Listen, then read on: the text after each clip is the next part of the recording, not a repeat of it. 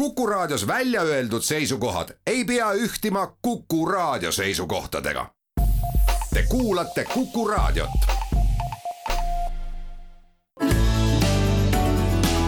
keskpäevatund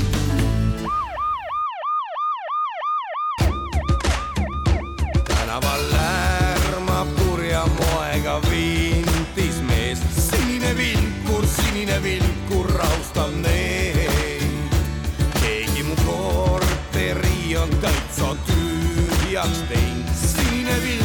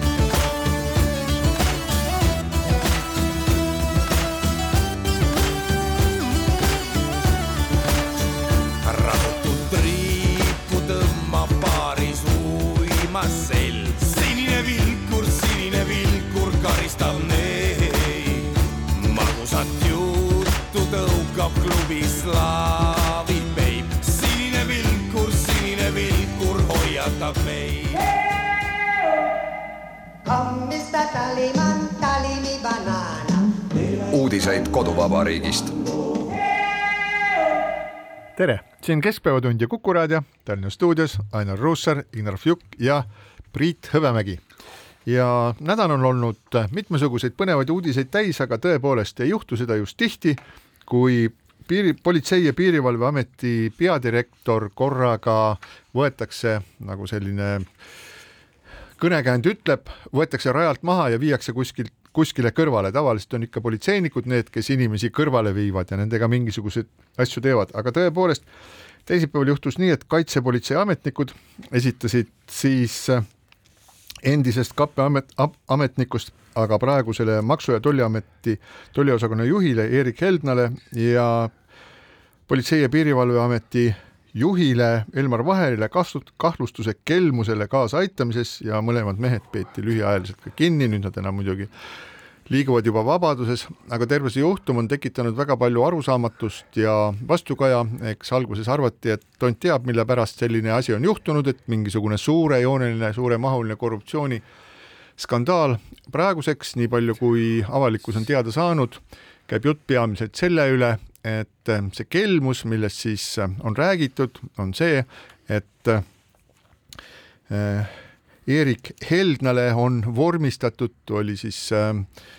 Elmar Vaheri teadmisel ja aktiivsel kaasaaitamisel vormistatud üks leping, mis pani ta, jättis ta siis tööle politseiametisse, samal ajal kui Heldna töötas hoopis teises kohas ja see oli vajalik selleks, et kui Heldna, Heldnal tuleb kätte mingisugune kindel tähtpäev, siis ta hakkab saama eripensioni, politsei eripensioni ja niikaua, kuni see asi oli lihtsalt lepingu tasemel, midagi ei juhtunud ja kui lõpuks see Heldna esitas siis avalduse eripensioni saamiseks, siis hakkaski kohe juhtuma, et äh, kahtlemata on siin tegu suurte politseiametnike omavaheliste kokkulepetega, mis praeguse seisuga tundub, et ei olnud päris seaduspärased, aga kindlasti on selle taustaks ka üks suurem teema, mille nimi on eripensionid ja millest me oleme ka selles saates siin juba, ma ei tea, aastakümnete jooksul pikalt rääkinud. no eripensionid on tõesti teema, aga ma meenutan kuulajatele veel ka seda, millest me ka siin saates rääkisime sügisel, oli see, kui kes seda mäletab enam? jah, aga ma tuletan siis meelde, kui siseminister Lauri Läänemetsa ja peaministri Kaja Kallase vahel tekkis üks äh, päris tugev vastuolu, kui äh, siseminister käis välja võimalikud uued nimed politsei ja piirivalve peadirektori ametikohale. ja Kallas oli kõigi nende nimede vastu.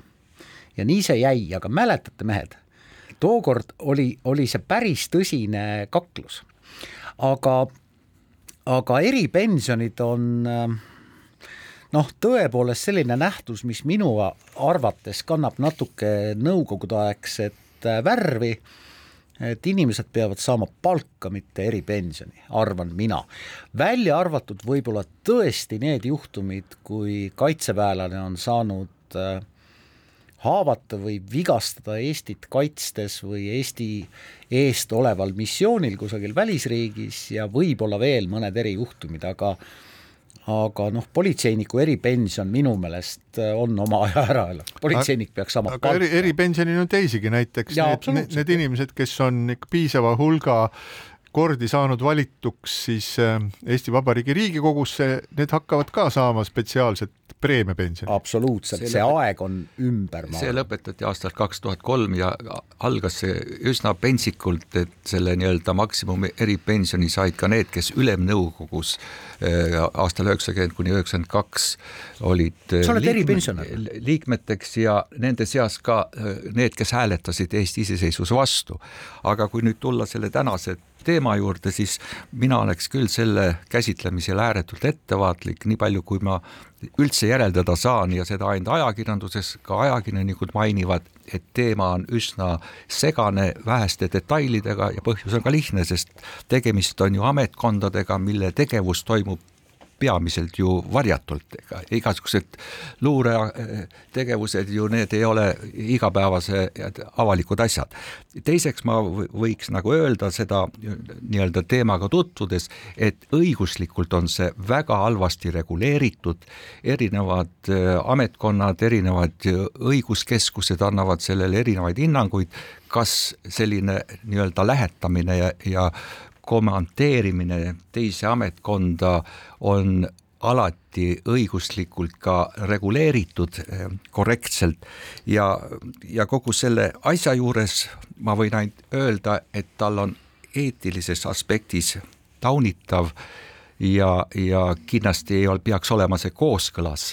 eh, nii-öelda meie mõistmisega, kuidas avalikud asjad peaksid ühiskonnas toimuma, aga samas see, et sellest kõigest on olnud teadlik ka Justiitsministeerium, Siseministeerium, kellele kogu see teema ja valdkond allub ja nad ei ole midagi ette võtnud selleks, et taolisi nii-öelda rotatsiooniga toimuvaid tegevusi lõpetada või ära korrastada, sest näiteks käesoleval hetkel on roteerumise korras piirivalve ja politseiametist lähetusest nii-öelda viiskümmend üks inimest. et see on valdav, see on üks muster, üks väga selge olukord ja kui nüüd siia siis nagu ainsa mõistliku selgitusega, mõistlik ma panen jutumärkides, on see, et ilmselt on ka tegemist mingisuguse kapo ja politseiameti omavahelise hõõrumise või rivaliteediga, siis ma uuesti vaataks siseministeeriumi poole. Nende asi on neid ametkondi korraldada ja julgeoleku esimene nii-öelda esimene sammas peaks tuginema sellele, et pole omavahelist rivaliteeti ja, ja kaigaste kodarasse viskamist. no tuhkase siseminister nüüd väga palju nende ametkondade siseelust teab ja teada saabki, aga mm, mulle jäi silma üks lause äh, ajakirjandusest ja see oli see, et Kaitsepolitseiamet juhtis Politsei- ja Piirivalveameti juhi tähelepanu sellele seigale, enne kui talle esitati kahtlustus, me räägime kahtlustusest. E, ja, ja see lause hakkas minu peas elama nagu oma elu, et et kui Kaitsepolitseiamet tõepoolest juhib enne, kui asi ametlikuks läheb, tähelepanu ja sellele ei reageerita või ei reageerita piisavalt, noh siis on seegi omaette märk. no see eripensionide süsteem, millest oleme siin ju korduvalt rääkinud, et iseenesest selle sünd on kummaline ja see on jälle üks selline asi, mis on jäänud nagu ütleme, mingisugune asi saapa küljes, mida siis Eesti Vabariik tassib endaga kaasa. see eripensionite süsteem loodi kõigepealt üleüldse selleks, et kui Eesti Vabariigi algusaastatel oli vaja selliseid äh, kogenuid äh, kui kogenud ja murd, kui osta, osta Eesti Vabariigile ustavaid siis vana režiimi või Nõukogude režiimi ähm, tegelasi õiguskaitseorganites, kohtutes, äh, mujal kuidagi üle vedada uude süsteemi sisse, et nad aitaksid oma teadmistega, no ütleme, kõik teadmist ei kõlvanud, aga midagi ikka, see riiki tuleb pidada. Ja noh, kui me vaatame selliseid äh, su-, süsteemseid muudatusi mõne, mõnedes suurtes riikides, siis tihtipeale võib täheldada seda, et ametnikkond suures osas jääb samaks, hoolimata sellest, et poliitiline režiim võib oluliselt muuta, ametnikkond jääb samaks, ametnikud on see, on see masin, mis riiki käimas hoiab ja on, on siis õli selles, selles masinas sees. nii et selleks, et endised kogenud politseinik, endised kogenud miilitsad, need hakkaksid, töötaksid edasi siis politseis või kohtunikud töötaksid edasi, kuna uusi kohtunikke polnud kuskilt võtta, siis loodi selline eripensionite süsteem, et neid seal edasi hoida. Ja siis see jäigi nii-öelda pidama, sest see, see on ju väga selge, et kui sa kellelegi oled hakanud mingisugust ekstrat andma, siis see jääb ja jääb ja jääb ja seda on äärmiselt keeruline katkestada, selleks on, seda on uuritud palju, see, selleks on tehtud mitu üritust või vabandust, mitu, mitu nagu pingutust selleks, et seda süsteemi katkestada, aga, aga lõplikult ei ole see siiski tänase päevani õnnestunud, et minu meelest see eripensionite süsteem on väär selles mõttes, et kui ta on kokku seotud siis meie üldise pensionisüsteemiga, sest seal tekib jälle selline nagu ast-, astmeline süsteem, keegi saab rohkem, keegi saab vähem, et kuidas seda lahendada, ma arvan, et ametkonnad peaksid omama mingisugust oma mingisugust ressursse, et Äh,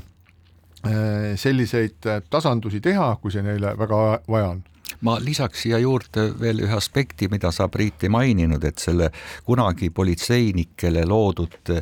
hüvitiste süsteem lähtus ka sellest, et üheksakümnendate aastate alguses olid avalikus sektoris palgad äärmiselt madalad ühelt poolt, aga teiselt poolt ka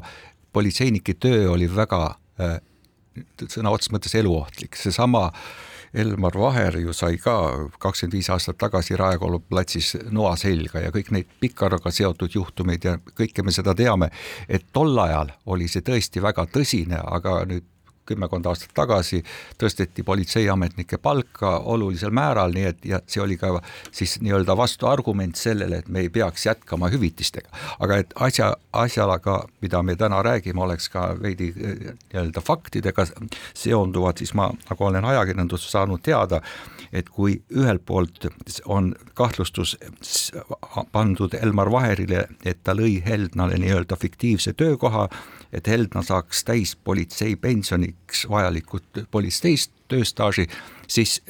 igal juhul Elmar Vaheri allkiri eh, tema Heldna töölevõtmisel politseiametisse puudub, samuti, eh, eh, samuti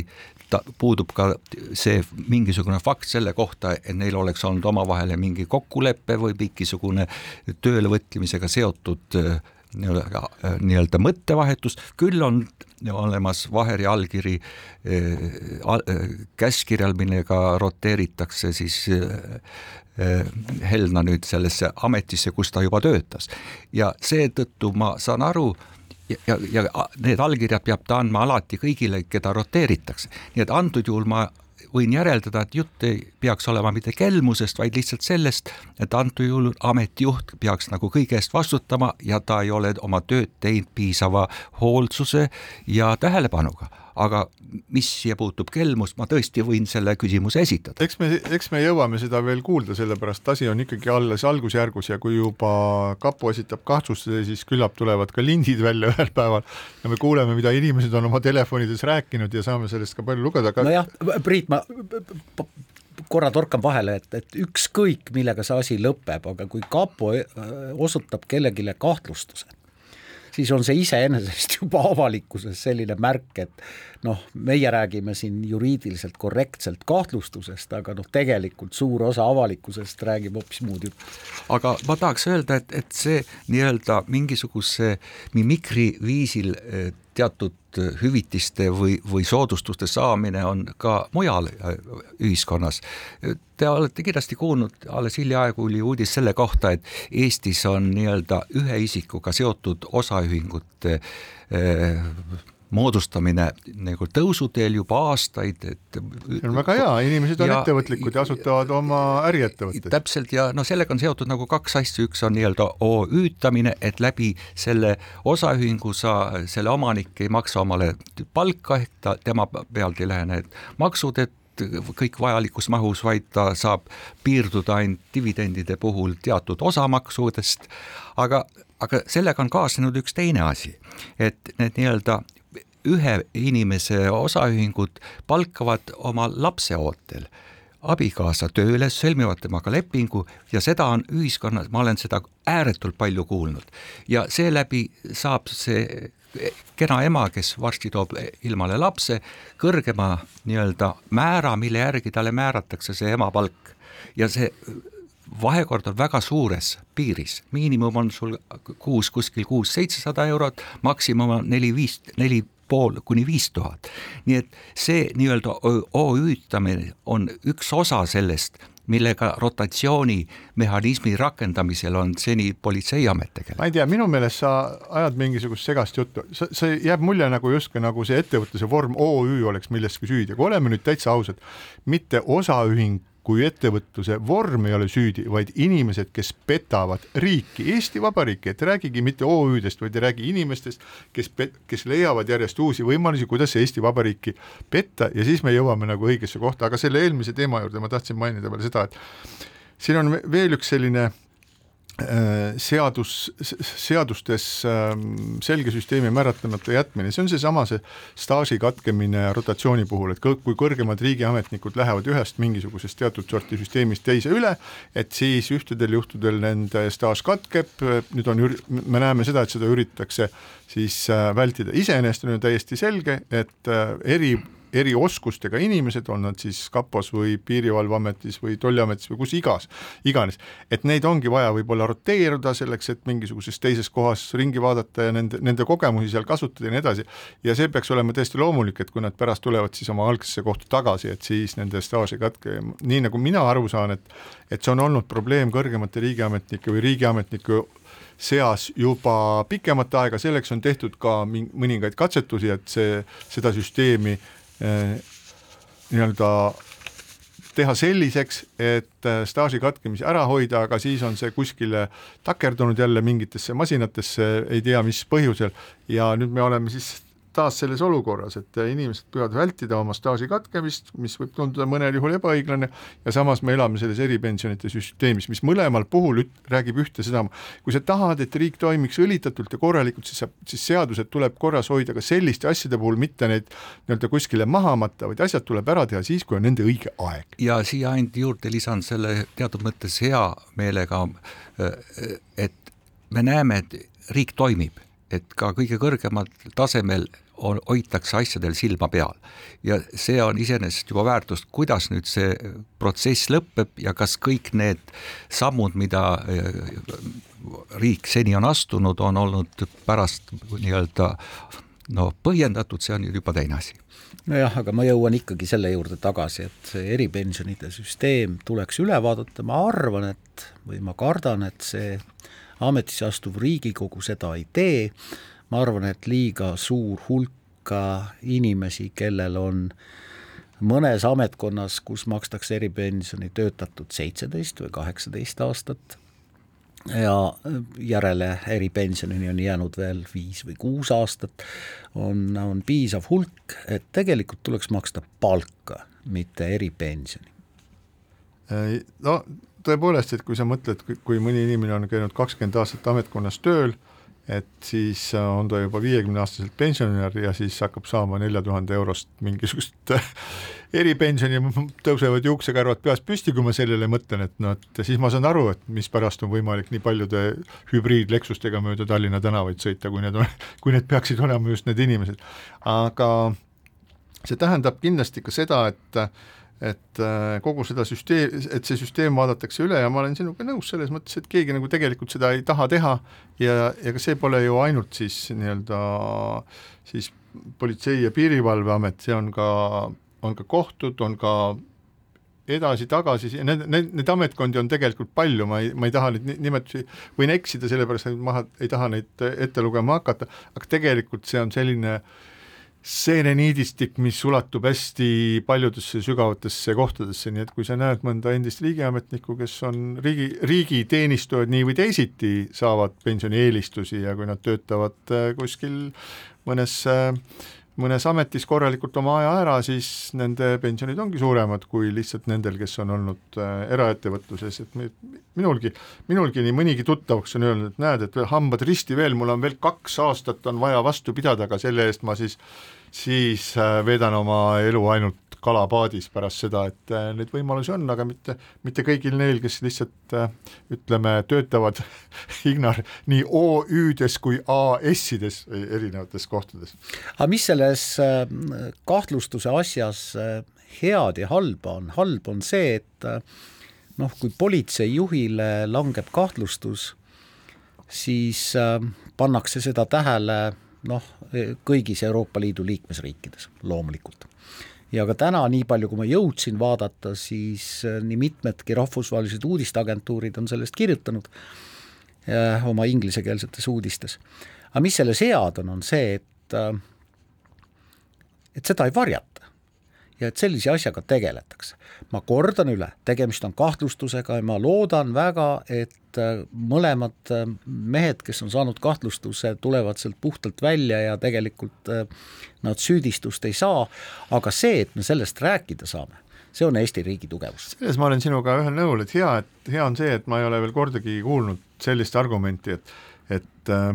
et miks me sellest üldse räägime, et see nõrgestab Eesti Vabariiki, see nõrgestab usaldust Eesti Vabariigi vastu ja mis kõige hullem, et annab veel trumbid kätte meie vaenlastele, no kes me, meie vaenlasi, me teame, neil ei ole selliseid trumpe vaja, nad parema meelega pommitaksid meid ja siis äh, küüditaksid, täna on märtsi küüditamise aastapäev, nii et Herman Simm juhtis ka Eesti politseid ja oli meie vaenlase teenistuses. just nimelt, nii et äh, selle teema käsitlemine näitab seda, et Eesti Vabariik on õigel teel ja tunneb ennast kindlalt, julgelt ja kui mingisugune, kuidas öeldakse, sitt on majas, siis me julgeme sellest ka avalikult rääkida. ja siinkohal väike paus. keskpäevatund keskpäevatund jätkab, Ainar Ruussaar, Ignar Fjuk ja Priit Hõbemägi ja räägime nüüd sellest, et suured muudatused on ootamas ees Eesti parteimaastikku, üks Eesti suuremaid erakondi on olnud kõige suurem, on olnud teise koha peal, on olnud kolmas, on liikunud. kõige vanem. on kõige, kõige vanem ja kõige varem. ei ole Kes... kõige vanem, ei ole. sotsiaaldemokraadid, liberaalid, kõik on ammu seda, enne seda. juba kahekümne kaheksandast aastast alates. nii et äh, Keskerakonnas on äh, juhivahetused äh, alati pälvinud väga suurt tähelepanu avalikkuses ja pärast seda, kui Keskerakonna esinemine äh, Riigikogu valimistel ei jätnud mitte mingisugust säravat muljet ja eks seda oli ju ka tegelikult ette ennustada, sest et eh, Jüri Ratas oli mitukümmend kilo tantsusaate harjutuste tõttu kergemaks jäänud ja paistis välja juba selline väsinud ja isegi ühel ühel eh, siis ähm, üritusel, kus äh, oli palju koos ähm, olulisi inimesi, juhtus nii, et ta väsimusest, kurna-, kurnatusest kaotas natukeseks pea, siis ähm, selge on see, et ka koos sellega suurte kohtade kaotusega, kümne koha kaotusega Riigikogus, tavaliselt vaadatakse üle, et kes on siis see juht, kes on viinud erakonna kas võidule või kaotusele ja eriti kui on kaotusele, siis tehakse talle selline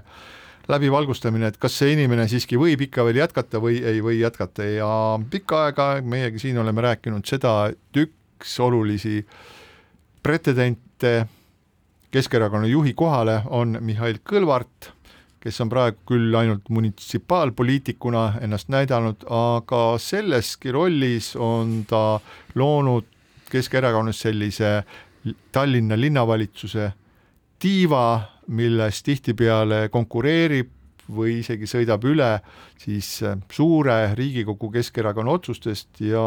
nüüd astus Mihhail Kõlvart varjust välja ja ütles, et jah, ta soovib osaleda kandideerimisel, kus otsitakse Keskerakonnale uut juhti ja siis täiesti võimalik, et suvel selline üritus toimub.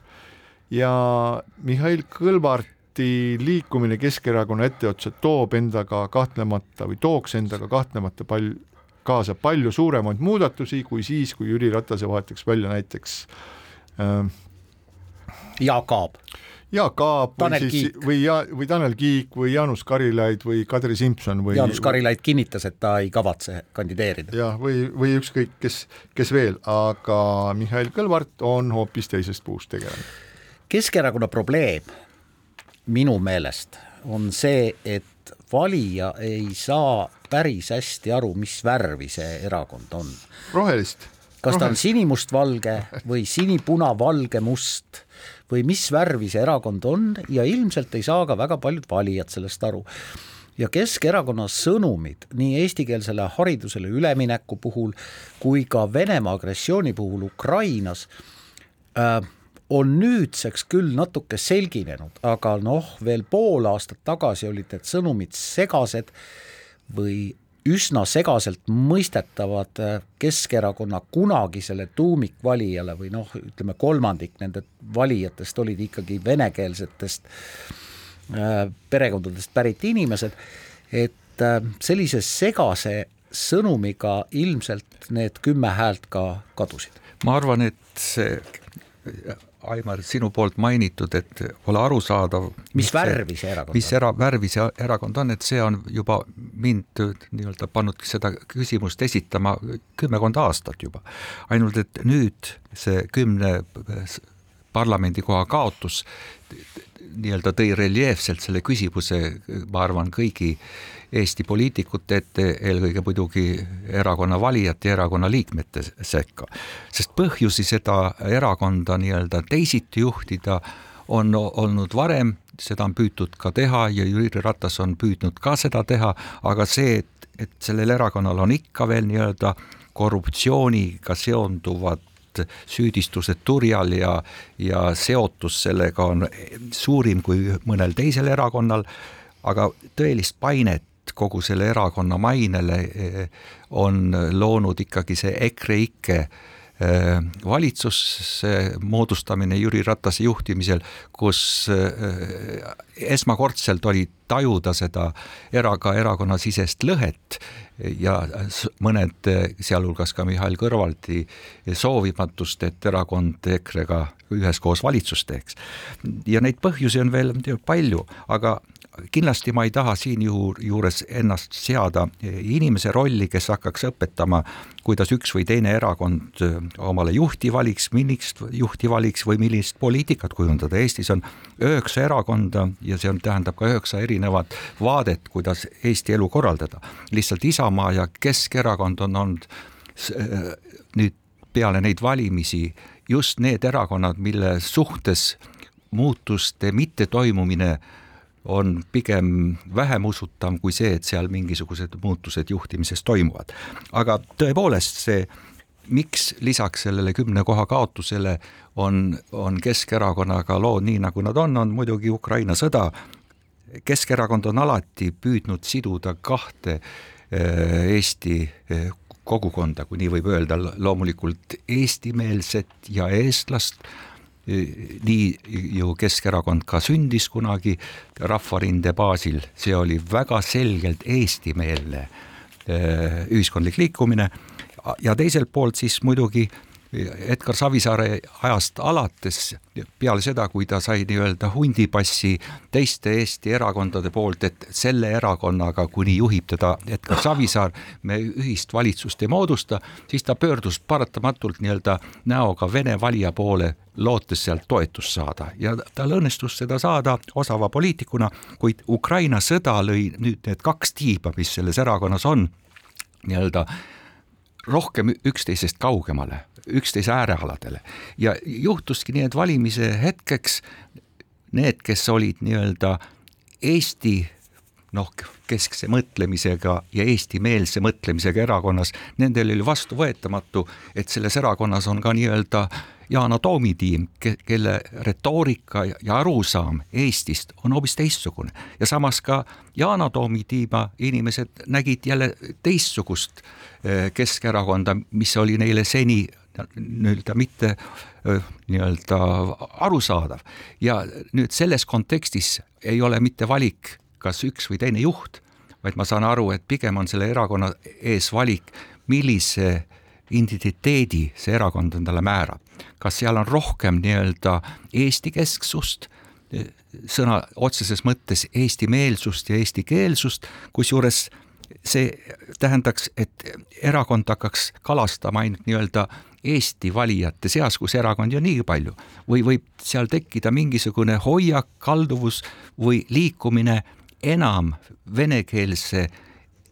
erakonna poole ja see iseenesest ei tähenda, see ütlus minu poolt ei head ega halba, sest seda võib ka realiseerida nii, et see nii-öelda uus juht, kes seda hoiakut toetab või läbi viib, võib edustada ka nii-öelda positiivset vaadet, et tõepoolest toetada ja motiveerida vene emakeelega noori rohkem eesti keelt omandama, seda pühaks pidama ja selle järgi oma elu korraldama. Need valikud on selle erakonna ees, mitte kas on üks, teine või kolmas juht, vaid sisulised valikud. no erakonna juht on väga tähtis persoon ja see, kui palju ta saab äh, kongressil toetust, äh, on ka väga tähtis aga Keskerakonnale sai saatuslikuks Venemaa agressioon Ukrainas, see on ilmselge. sest et pärast seda, kui Venemaa mm, tungis kallale Ukrainale, olid Keskerakonna väga paljude poliitikute ja Keskerakonna enda sõnumid minu meelest üsna segased. me oleme agressiooni vastu, aga rahu poolt. me oleme kõik mehed rahu poolt, aga millise rahu poolt? see on eraldi küsimus ja seda ei täpsustatud, tähendab mm, kõik see, mis toimub praegu Ukrainas ja kõik see, mida korraldab Vladimir Putini juhitud Venemaa, on niivõrd õudne ja niivõrd närune, et siin ei saa anda kahesuguseid sõnumeid mitte ükski Eesti Riigikogus esindatud erakond. Keskerakond viimastel kuudel või viimase poole aasta jooksul on sellest ka aru saanud, aga pärast sõja algust olid need sõnumid noh, kuskil suve keskpaigani ikkagi väga-väga segased, mitte Venemaad toetavad, jumala pärast ma ei taha seda öelda, aga nad olid segased. me oleme rahu poolt, mida see tähendab? jaa, no pluss see, mida, mida Jüri Ratas siis ähm, oma valitsemis Keskerakonna juhi kohal olemise ajal siis nagu korda saat-, saatis, võib ju ka lihtsalt edasi, võib, võib ka lihtsalt ette lugeda, et näiteks, et Keskerakonnal, millel olid uskumatud võlad ja noh, raske oli uskuda, et ära makstud. võlad on makstud, erakond on võlgadest vaba ja selge see, et kampaaniateks eriti raha jätku, jätkunud, on see siis Eesti tuleviku seisukohalt hea või halb, seda ei oska siinkohal öelda, siis Mihhail Stalnuhhin visati erakonnast välja, kui ta hakkas ärplema Äh, Audeki, Õudeki Loone äh, visati välja NATO komisjonist, kui ta läks äh, üle piiride, ta tagurdas välja siis EKRE-ga tehtud valitsusest, et tegelikult selliseid punkte, mida võiks talle niimoodi tšekk, tšekk, tšekk panna, et neid, neid siiski on, et ei saa öelda, et Jüri Ratas on lihtsalt löönud tantsu seal ja nii edasi, et ta on nagu, ta on siiski asju teinud, mida võib konkreetselt üles lugeda ka, aga kui me võtame näiteks seda Kõlvartit, siis Kõlvarti puhul tuleb kindlasti ära märkida faktides seda, et ähm, kapo nimetas seda Vene mõjuagendiks, millele järgnes siis kohtuprotsess, milles äh, Kõlvart ei võitnud kapot, nii et see hinnang jäi nagu pädevaks, siis olemasolevate vene koolide järjepidev kaitsmine Tallinnas, kusjuures me teame, üks, üks nendest koolidest on selline, mille direktor aastakümneid kangekaelselt püsis oma paigal hoolimata sellest, et ta ei suutnud teha nõutavat koolidirektorile vastu, koolijuhile vajalikku keeleeksamit ja teda seal hoiti ja teades, et Mihhail Kõlvart on aastaid, väga pikki aastaid tegelenud haridussüsteemiga, siis ilma Mihhail Kõlvarti soosinguta ei oleks inimene seal absoluutselt püsinud mitte päevagi kauem. Äh, samuti ka siis äh, eestikeelsele haridussüsteemile selline pidev äh, vastutöötamine, andmine, selliste sõnumite andmine, et niimoodi me ei saa üle minna eestikeelsele haridussüsteemile, teatavasti on siis Kõlvart see, kes esitas sellise oma, oma seisukohast väga nutika edasilükkamise plaani, et ega me ei saa ju üleminekut eestikeelsele haridussüsteemile teha muidu, et kui meil peab olema piisavalt õpetajaid ja nüüd äh, hakkame siis äh, kõigepealt alustama nendest õpetajatest ja selleks, et õpetajatest alustada, selleks tuleb kõigepealt alustada ülikoolidest ja õpetajate koolitamisest ja nii edasi ja nii edasi, nii et äh, lükkame selle asja veel kuskile aastani kaks tuhat viiskümmend, see number on minu poolt pakutud. nii et Kõlvarti puhul sõnad sõnadeks, tuleks vaadata neid fakte, millega ta on silma paistnud ja kuidas need siis Eesti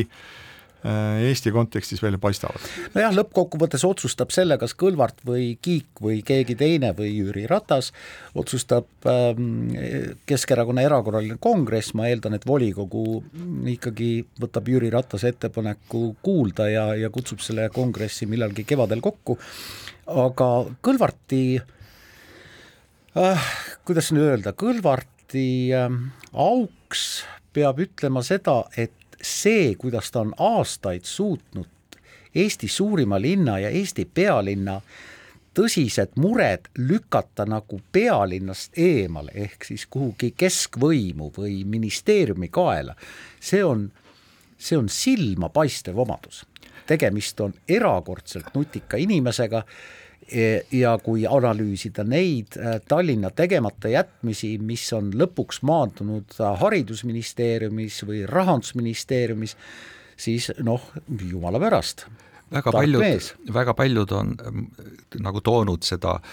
Kõlvarti huvi olla e-, erakonna esimees põhjuseks seda, et ta tahab nagu nii-öelda tagasi tuua erakonna toetajate hulka need, kes näiteks Ida-Virumaal parlamendivalimistel enam Keskerakonna poolt hääletanud, ehk need, kes hääletasid Stalnuhhini poolt või inimese poolt, kes Eesti valitsust nimetas fašistlikuks ja sellepärast erakonnast välja visati. Ignar, aga neid saab tagasi tuua ainult, ainult, ainult lollide loosungitega, mille vastu tõeline eestlane on. täpselt ja, ja või siis vasakpartei tegelasi, aga ma arvan, et seda eesmärki eh, Mihhail Kõrvalt endale ei sea, sest see, eh, sel juhul oleks tõesti, nagu sa, Aimar, mainisid, kõik normaalsed ka vene emakeelega inimesed läheksid sealt erakonnast ära.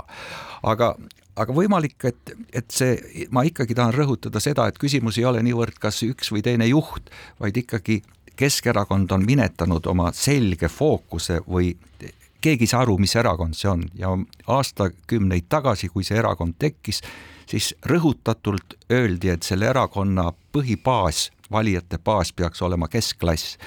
aga viimased viis-kümme aastat ma ei ole näinud seal mitte ühtegi nii-öelda positsiooni või hoiakut, mis toetaks keskklassi ja mitte olemasolevat, vaid et see tekiks, selline keskklass tekiks. ja, ja seetõttu ma pigem arvan, et, et kõik need muutused peaks olema kollektiivselt läbi vaadatud ja tekkima. jah, nii et võime kokkuvõtlikult öelda seda, et Keskerakond, see on üks selline keskmine erakond ja siinkohal väike paus.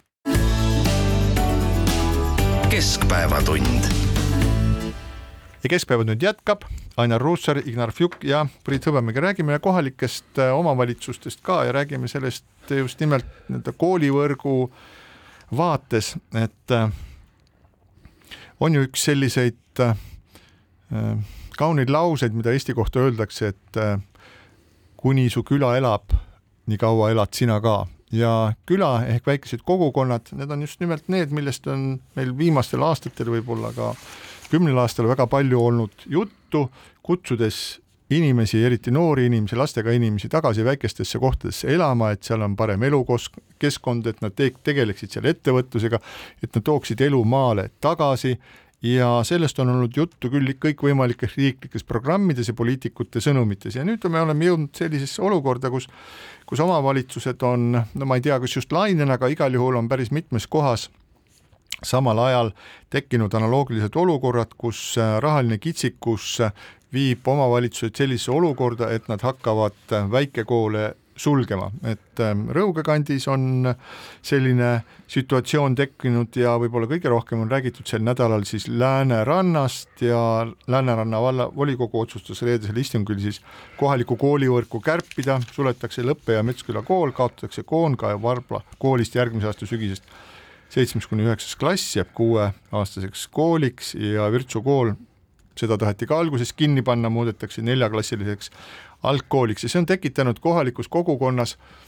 väga emotsionaalset vastukaja, seal on inimesi, kes on kolinud sellesse piirkonda, sealhulgas on ka Eesti avaliku elu, avalikus elus üsna selliseid tuntuid äh, arvamusliidreid, kes on sinna kolinud just selle tõttu, et äh, lastel on hea käia väikestes, väikses koolis, et see on turvaline, et äh, mets on lähedal ja saab looduses ringi liikuda. Ja nüüd otsustab kohalik omavalitsus siis väiksed koolid kinni panna ja öeldakse, et davai, et võtke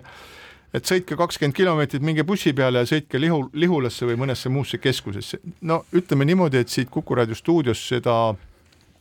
on äh, südantlõhetav pealt vaadata kõiki neid äh, pilte, mis on koolide juures tehtud, kuidas vanemad ja lapsed on seal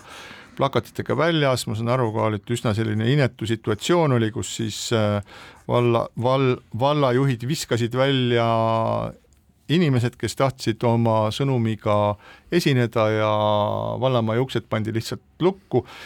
et äh, seda ühelt poolt, teiselt poolt on arusaadav ka see, et äh, kui ei ole piisavalt raha, siis on raske neid koole üleval pidada ja võib-olla see häda ulatub üldse nagu kaugemale, mis tähendab seda, et ühest küljest rääkida sellest, et hoiame küla elus ja noored inimesed võiksid äh, sõita, asutada endale kodumaale ja nende lapsed saavad äh, väikeses kohas koolis käia, on vale, et seda ei suudeta tegelikult tagada, et tegelikult maa hõreneb ilusatest sõnadest hoolimata, mis iganes siis seal Toompeal räägitakse. Ja kui kohalikud omavalitsused ei saa spetsiifiliselt siis nagu juurde endale ressursse selleks, et väikest koolivõrku üleval pidada või et Eesti Vabariigis ühel hetkel saadakse aru, et väike koolivõrk on vajalik selleks, et Eesti elu üleüldse maal jätkata siis on muidugi asjad väga kehvad. see, mida sa, Priit, praegu rääkisid, on, on hästi oluline küsimus, millele ilmselt meie kolm siin stuudios lõplikku vastust ei tea, nagu ei tea ka kohalike omavalitsuste juhid. et äh, kui loomulikult on see, mida rohkem koole ja mida rohkem ajalooga koole kusagil äh, väikestes kohtades on, loomulikult on see oluline. aga kui vaadata neid omavalitsusi ja nende omavalitsuste eelarvet ja ühe kooli eelarvet, kus näiteks üheksandas klassis käib viis õpilast ja neid peab õpetama kolm õpetajat, kes annavad samal ajal geograafiat, ajalugu, ühiskonnaõpetust ja veel kahte ainet sinna juurde, siis on kusagil midagi valesti. ja kui Priit mainis, et äh, jah, kool on kohaliku omavalitsuse eelarves, juhul kui, juhul kui ta ei ole riigikooli staatuses, siis äh, noh, ongi ju paberile vaadates ja ka tegelikku elu vaadates väga lihtne. meil on koolimaja ja see kool on tõepoolest tegutsenud äh, selles kohas sada kakskümmend aastat, aga selles koolis õpib kaksteist õpilast ja töötab kolm õpetajat, siis noh, vaadates ka kulurida, noh, otsust teha on justkui lihtne. ühelt poolt see, mis sa räägid, on no, nagu sa kirjeldad seda olemasolevat olukorda ja lõpuks tõesti ühel hetkel ongi olukord, kus koolis on nii vähe lapsi ja nii palju vaja õpetajaid siiski, et, et mingil mõttel ei ole see pidamine enam mõistlik, sest ka sellisel juhul võiks öelda, et ka see õppe kvaliteet ma tean, Ignar, ma tean tagatud. kooli, kus üks inimene õpetab geograafiat, ajalugu, ühiskonnaõpetust ja veel ühte ainet. jah, aga see protsess on toimunud aastakümneid ja, ja kogu see aeg on räägitud regi-, regionaalpoliitikast ja nii palju, kui ainult mäletan, on regionaalpoliitika puhul viimased valitsused toonud esile, et vot on vaja kiiret internetti. vaat kui me saame kiire internetti, siis on regionaalpoliitika nii-öelda saanud nagu õige lahendus. aga kõrvuti nende koolide sulgemisega, me ju teame, suletakse ra ka raamatukogusid, raamatukogusid, lahkuvad inimesed, lahkuvad teenused ja kõik see nii-öelda sai tuule tiibadesse haldusreformist, kus, mis tugines nii-öelda tõmbekeskustel, mis tähendaski, et tõmmatakse väikestest kohtadest ära igasugused kompetentsid, teenused, inimesed. nii et kui me räägime nüüd ja mingil moel tahame vastu seista, et ei suletaks äh, raamatukogusid ja ei suletaks koole, siis seda tulekski vaadata regionaalpoliitika võtmes. et see ongi mingisugune raha, mida peaks toetama, kui me tahame, et kohtadel jääks elu alles seal ongi elu kallim, seal tulebki seda toetada ja kui me seda ei tee, siis ei tasu regionaalpoliitikast rääkida. kas ja kuhu määrani me peame seda nii-öelda maal olevat elu kinni maksma, ma ei tea, aga kui idapiiri äärne viiekümne kilomeetri ulatuses on inimestest tühi, siis pole seal ka nii-öelda mingisugust julgeolekut ega riigi seisukohast turvalisust. ja see on koolist natuke laiem, et see puudutab ka tervishoidu ja sedasama julgeolekut ja politseid ja, ja, ja, ja nii edasi, ehk siis perearst ja konstaabel võiksid ka ikkagi mingis piirkonnas noh, olla kättesaadavad, et see kõik, see kõik ongi kallis lõbu, jah. võib-olla üks põhjuseid, mida mina olen tihtipeale selliste probleemidega kokku põrkudes olen tähele pannud, et et see on kohalike omavalitsuste võimu, võimu küsimus. et äh, kohalikus äh, omavalitsuses on tihtipeale Eesti kohalikes omavalitsustes on selline süsteem, et seal on nagu kaks kildkonda või mõni, mõnes kohas on kaks perekonda, kaks valitsevat perekonda mingisuguses väikses kohas. Üks valimisperiood on üks peal ja mehitab siis kogu selle kohaliku omavalitsuse oma tuttavate sugulastega ja siis nende ehitajad ja autoremontijad saavad endale paremad otsad. Ja teine periood on siis teine ja siis äh, pidevalt käib selline nagu mingisugune teineteise, teineteisele jala taha panemine, et kui me vaatame kasvõi ajakirjandust, siis me näeme, et Eesti on sellised spetsiifilised mingid kohalikud omavalitsused, kus korraga nagu lambist jälle toimub mingisugune plahvatus ja alati on see ühe-kahe hääle küsimus. Ja see on nagu üks probleem, et kui kohalikus omavalitsuses tekib selline olukord, et üks klann saab äh, sellise nagu äh,, saab võimu enda kätte, et siis on täiesti lootusetu nendega võidelda, et nad rullivad lihtsalt lihtsalt kõigest üle ja seal on nagu ütleme, et seal omavalitsus mingisugune, seal on mingi neliteist inimest volikogus ühesõnaga, et noh, et see on nagu tegelikult on see nagu suhteliselt naeruväärne. ja kohalikel inimestel, elanikel on väga vähe mõju et neid üldse, neid äh, mõjutada. ja kui ma vaatan näiteks, et äh, siin äh, nüüd Tallinnas oli just see, et Eesti näituste alal oli suur detailplane-, planeering, mis oleks siis rikkunud tasakaalu või siis oleks tekitanud olukorra, kus ümberkaudsed kogukonnad äh, satuvad teadmatusse selles osas, et et kuskohast nende kommunikatsioonid jooksevad, kas need jäävad alles, kas need lõhutakse ära või mitte, siis need kaheksa kogukonda, hoolimata sellest, et Tallinna abilinnapea Madle Lippus lükkas, lükkas, lükkas jõuga seda projekti, hoolimata kõigest äh, vastuseisudest, siis nüüd tõmbas linnavalitsus siiski tagasi selle projekti, mis näitab seda, et kogukondadel on mõju aga väikeses kohas kogukondadel mõju on väga vähe. Ja ma, ma ei ole selle ala spetsialist, aga minu meelest probleem on selles, nendel inimestel, kes võitlevad kas seal Murastes kooli üleviimise kohta, kes võitlevad oma väikekoolide säilitamise eest Rõuges või Läänerannas, nendel inimestel peaks meie valimissüsteemiga olema suurem mõju nendele otsustele, mis tehakse, minu meelest see süsteem ei vasta enam nendele nõuetele, kui me tahame, et inimesed maale elama jääksid. Ja siinkohal lõpetame oma saate ära, täname teid kuulamast, täna on märtsiküüditamise aastapäev, meenutage kõiki neid, kes ülekohtuselt viidi ära. head päeva! keskpäevatund